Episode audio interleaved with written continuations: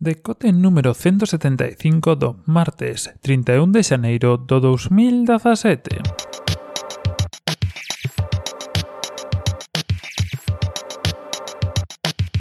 Bos días e benvidos a este novo decote, esta edición número 175, chegándonos xa a 200. Eh, volvemos a carga, volvemos despois de un tempiño. A semana pasada foi imposible gravar, pero imposible. Traballei polas mañás, tiven un curso de Scrum Manager, se algún vos interesa o tema das, das organizacións áxiles e todo isto, pois agora xa, xa sei un pouco diso, así que se queredes tamén vos conto por aquí. E eh, polas noites tiña que entrenar e tiña dúas horas libre dous horas libres ao día para comer e cear e xa está. E non hubo moito máis. Pero sí que deixei anotada unha cuestión que tiña aí no aire. Sei que mmm, cando falamos do Apple Watch por aquí, xa vai bastante tempo, bueno, cando me chegou, vamos, eh, fixen un vídeo e fixen algunha cosiña máis, pero quedou aí un pouco a espera ou eh, algún de vos quedastes a espera de que houvese unha sensación xa pois pasado un período de tempo, 4 meses que van agora, unha cousa así. Eh, eu tamén me gustaría facer ese vídeo, andi bastante liado, pero sigo querendo facelo, pero houve unha razón bastante maior para non facelo. Sobre todo, isto viña unha resposta que me facía eh, Diego en Twitter, y que me preguntaba un pouco por as sensacións e por ese tipo de cousas. Así que hoxe vamos a falar un pouco de eso, pero tamén do tema importante polo que non estou ou non me propuxen polo, polo de agora facer un vídeo co Apple Watch. E é que lle rompín a pantalla. Vamos a empezar por isto porque me parece así o máis fuerte de todo. É a primeira vez que lle rompo a pantalla un aparello electrónico dos que tuve na miña vida. Eh, levo tendo aparellos desde fai moito tempo, tiven un... Creo que xa falamos alguna vez por aquí, tiven un Galaxy S, un, o sea, o primeiro un Galaxy S, tiven un Lumia 800, tiven un iPhone 3G, un iPhone 5 e ora un iPhone 7 Plus. Nunca, bueno, además de un iPad tamén por aí polo medio. Nunca eh, xamáis rompín a pantalla a ningún destos aparellos, nin levando funda, nin se levar funda, nunca tal me pasou. E eh, co Apple Watch pasoume como a mes ou unha cousa así teño que dicir e vos explicar un pouco ahora o porqué de, de esto. Eu creo que, se si fora vos, se si tiveron, si tiveron Apple Watch, unha funda non, porque quita moito, pero quizá así un plastiquín destos na pantalla, pois sí que lle puña. E digo vos ahora por qué.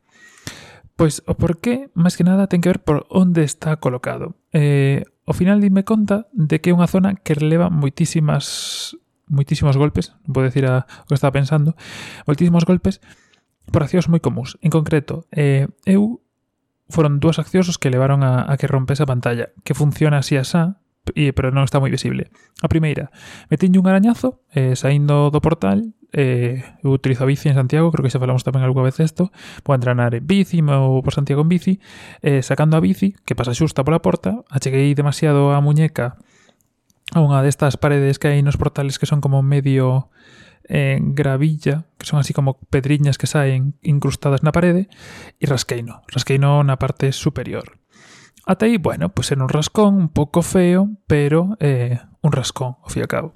Que pasa? Que é un sitio no que lle dou bastantes golpes. Bastantes golpes pois por cousas moi tontas de, de non medir quizá a distancia que hai desde a muñeca ata que nos rodea, que sei. Eh, pásame moito metendo man pois si me toman debaixo da mesa ou algo así, cando saco moitas veces doulle un golpe no lateral ao reloxo, pois eso de, de non ir con tanta distancia, de que é un reloxo un pouco máis ancho do normal e, e que se nota.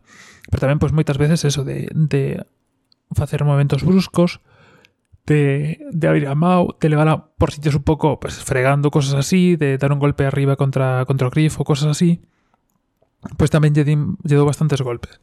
Entón, o que correu foi que o que era en principio unha liña pequeniña na parte superior que non influía nada, pois a base de golpeciños e cousiñas acabou abrindo e acabou se facendo unha liña un pouco máis grande xa no que eu eh, chamo grande. É unha liña superior e unha que corta polo medio, casi medio, medio da pantalla.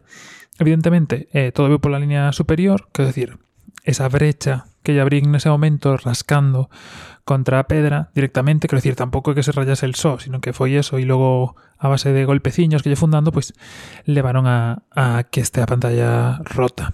Funciona daquela maneira, hai tacto en algúns sitios que non funciona ben, pero por xeral entre a metade que ten útil e os botóns, pois amañome e visualmente casi non se nota. O sea, visualmente a pantalla vese perfecta, eh, que poñer un pouco de lado para poder ver a raya e ese é o maior problema que teño agora. teño que mirar de cambiarlla, preguntei, eh, evidentemente algo que lle fixen eu, a garantía non me cubre, son como 200 euros, unha cousa así, pois de momento, mentras tire, tampouco teño maior prisa. Por agora, Esto na pantalla e no que se refiro ao título deste podcast.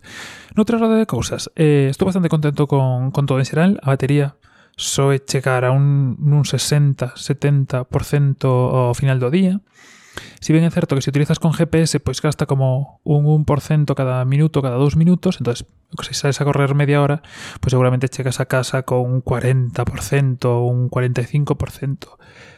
A tener en conta, eu eh, cargo todas as noites, eh, deixo cargando na mesilla, igual que deixo o móvil e esas cousas, quizá non é o mellor, quizá podía esperar cada dous días, pero bueno, Tamén falamos desto do hábito de, pois pues eso, quito para dormir, deixo na súa base e o día seguinte collo e sigo. Algúnha vez, pois eu que sei, desconectei a base por calquer cousa, non me din conta, puxo no día seguinte e aguantou todo o día sin ningún problema. O da batería en xeral, eh, sin problema. O que uso, para que uso sobre todo ahora que xa levo un tempillo? Pois pues, evidentemente para o que vos decía de ir a correr, mogollón das notificacións, eu creo que unha das cosas que fai aforrar bastante batería nos teléfonos porque chegan todas á muñeca, en modo silencioso ademais que non se notan, e a pantalla do teléfono non se non se abre para nada. Míralas aí e quedan aí, pois pues, todo tema de notificacións, a verdad, é que é super útil.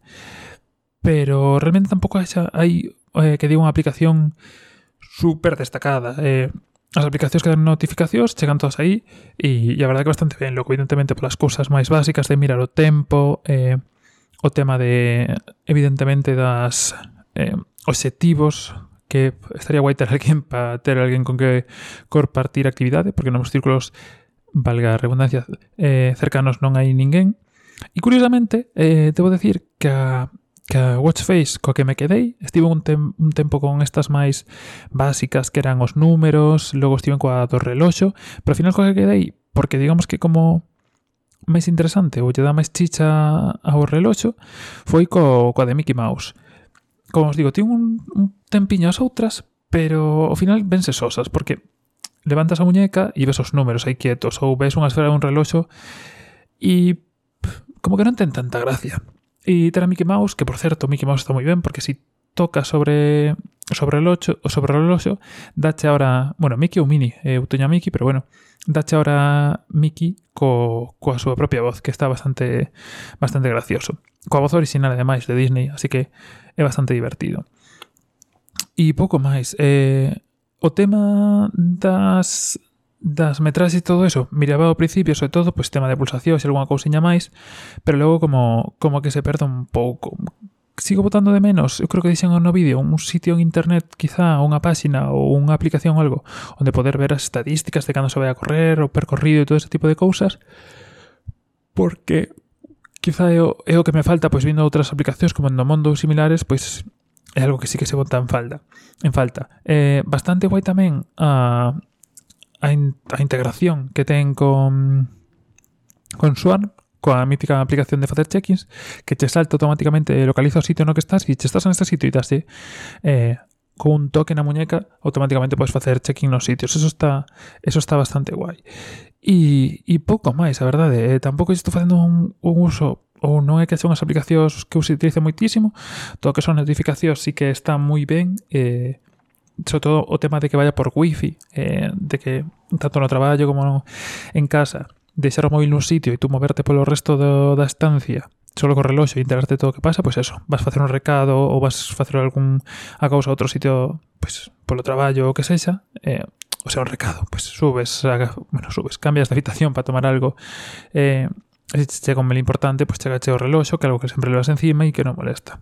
E o único problema pois que estou tendo eso, o que vos digo, do tamaño, de que estou pegando algunha algunha leche bonita e que quizá pois simplemente con como se chama? Cristal templado, creo que como se chama a protector que hai agora, eh, solucionaría e seguramente pois unha vez que lle cambia a, a pantalla, que non é a pantalla, que cristal que protege a pantalla, pero bueno, eh, lle poña un cristal templado que aínda que non quede de todo bonito, pois por lo menos evita que aínda que lle dé un, algún golpe ou algún roce, salte o cristal tan de forma tan sinxela.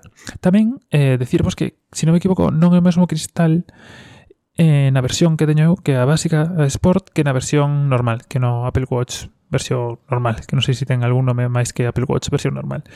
Se si non me equivoco, é máis duro nesa versión, pero teria que miralo, se si non me equivoco. E nada máis, nada máis por esta volta e por hoxe.